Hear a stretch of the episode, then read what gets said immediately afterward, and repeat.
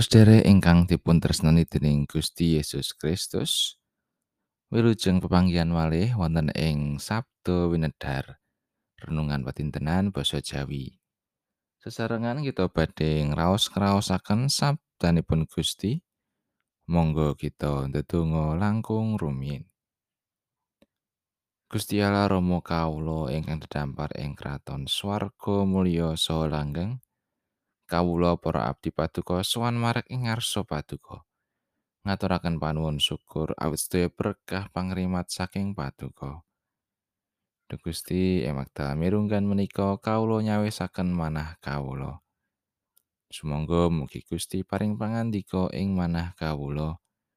Mugi roh suci paring kesagetan.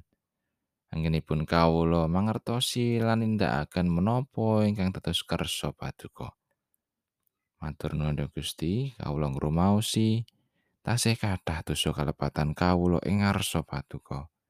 Mugi Gusti kersa paring pangaksami.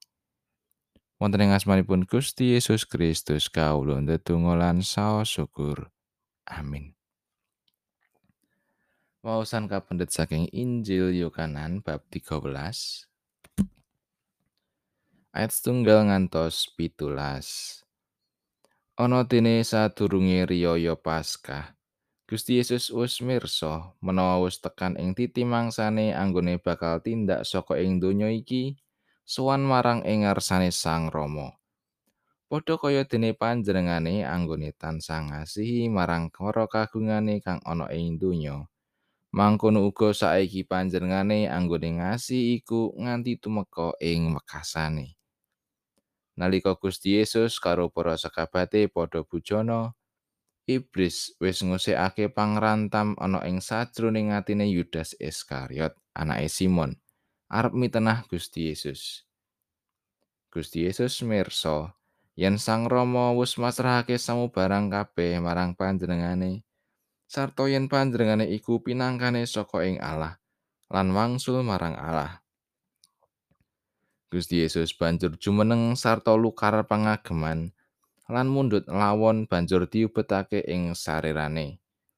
Tumuli ngesok banyu ing pawisuan sarta wiwit ngiji isi kile para sakabate lan kausapan kalawan lawon kang kaubetake ing sarirane mau.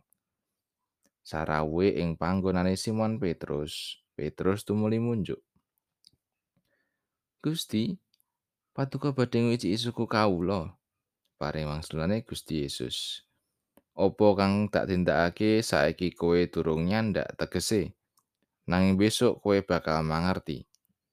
Unjuke Petrus. Aduh sampun ngantos ngisi isuku kawula ing salami-laminipun. Gusti Yesus mangsuli pangandikane. Menawa aku ora ngisi kowe, kowe ora duweni panduman ana ing aku. Unjuke Simon Petrus. Gusti, sampun ngamongaken suku kawula kemawon nanging dalah tangan so sirah pisan. Pangandikane Gusti Yesus. Wong kang wis adus ora susah adus maneh. Cukup mung wisuh sikil wae. Awit badane sakujur wis resik. Mangkono uga kowe iku wis resik mung wae ora kabeh. Awit Gusti Yesus mirsa sapa kang bakal ngulungake sarirane? Marga saka iku panjenengane ngandika kowe iku ora kabeh resik. Sawuse Gusti Yesus ngiji isi kile para sakabat mau, banjur ngrasuk pangagemane maneh lan wangsul lenggah sarta ngandika. Apa kowe padha ngerti tegese panggaweku marang kowe iku mau? Kowe padha nyebut aku guru lan Gusti. Lan panyebutmu iku wis bener. Awit aku iki pancen guru lan Gusti. Dadi menawa aku iki kang dadi Gusti lan gurumu wis ngisuhi sikilmu, dadi kowe ya padha kewajiban wisuh winisuan sikil. Awit aku wis menehi tulodo marang kowe, supaya kowe kabeh uga nindakake kaya kang dang wis tak tindakake marang kowe. Satemen-temene pituturku marang kowe. Sawijining abdi iku ora ngungkuli bendarane, utawa sawijining utusan iya ora ngungkuli kang utus.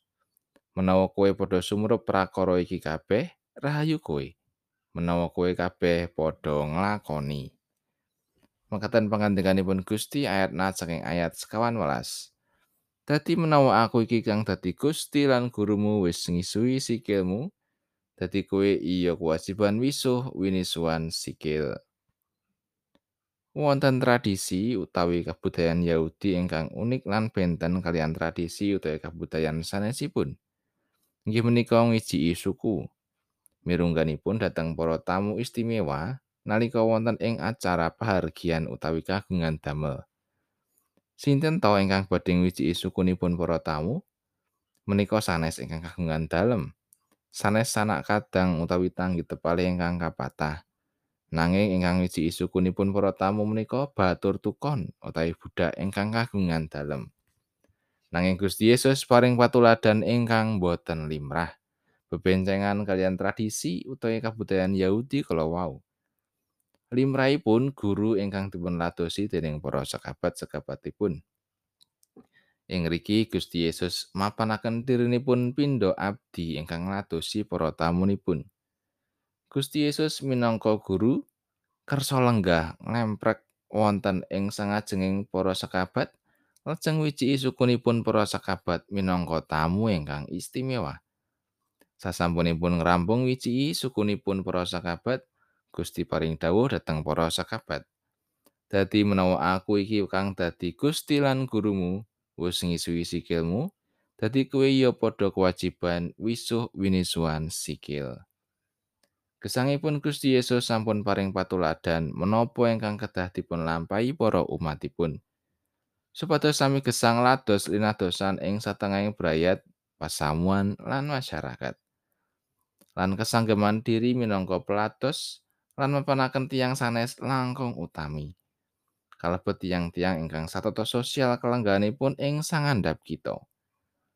Kanthi patrap gesang ingkang sami ngeseraken diri, tentu kita sami kasagetaken gesang sami latus linatusan lan wisuh winisuan. Amin.